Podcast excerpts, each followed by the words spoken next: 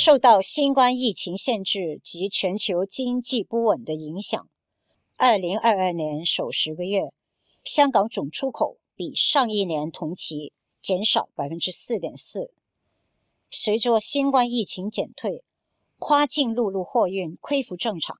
香港贸发局经贸研究预测，总出口在二零二二年将下降百分之六，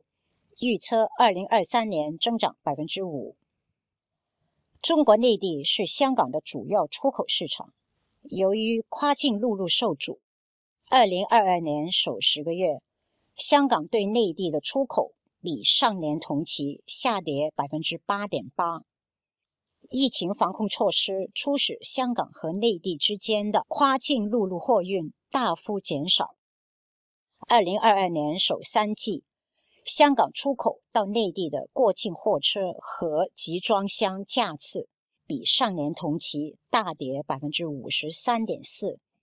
同期采用陆路运输的贸易总额下跌百分之二十四点三。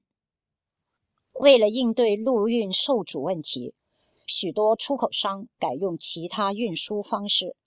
尤其是改为与内河运送跨境货物，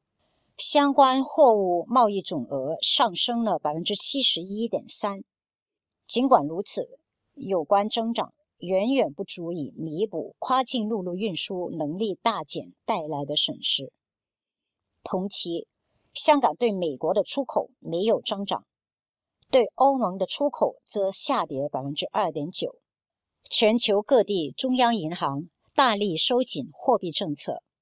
能源和食品价格飙升，以及俄乌战事持续所带来的不明朗因素，都打击消费和商业信心。利好消息是，香港与部分亚洲市场的区域供应链联系紧密，因此。出口表现不错。二零二二年首十个月，香港对东盟的出口比上年同期增长百分之十二点六，对台湾和韩国的出口也分别上升百分之十五和百分之十三点五。值得注意的是，各主要行业的出口于二零二一年首十个月录得百分之二十六点七的强劲增长之后。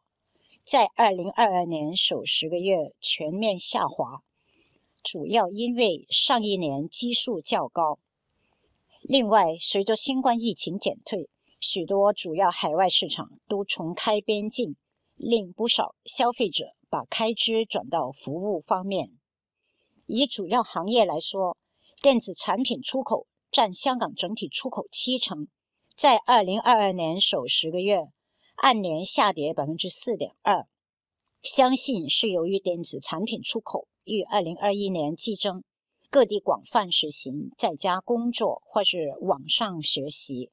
以及制造商积极增加芯片库存，免得以后缺货。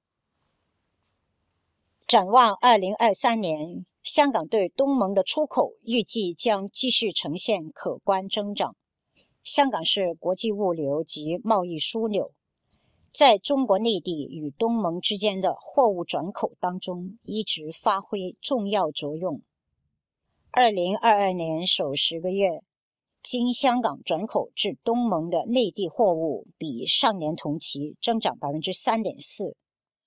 同期经香港转口到内地的东盟货物增长百分之七点九。随着内地与香港之间的跨境陆路货运逐步恢复正常，将有助加强香港对内地的出口增长势头。香港贸发局预测，到二零二三年二到三月，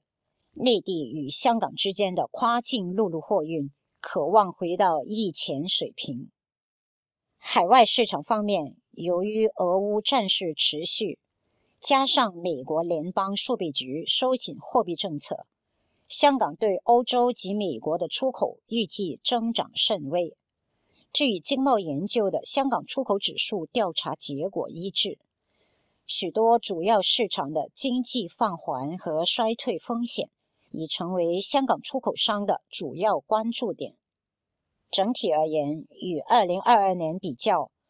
出口商对二零二三年保持审慎态度，近半数受访者预期二零二三年的销售总额将会下滑，百分之二十二点二则认为销售总额会上升，百分之二十八点三认为会维持不变。综合以上分析，香港贸发局经贸研究预测，香港总出口在二零二二年将下降百分之六，预测二零二三年增长百分之五。香港出口表现能否复苏，关键是中国内地与香港之间跨境货车运输的复常情况。香港贸发局预测二零二三年香港出口增长百分之五，前提是跨境陆路运输。在二零二三年二到三月恢复正常。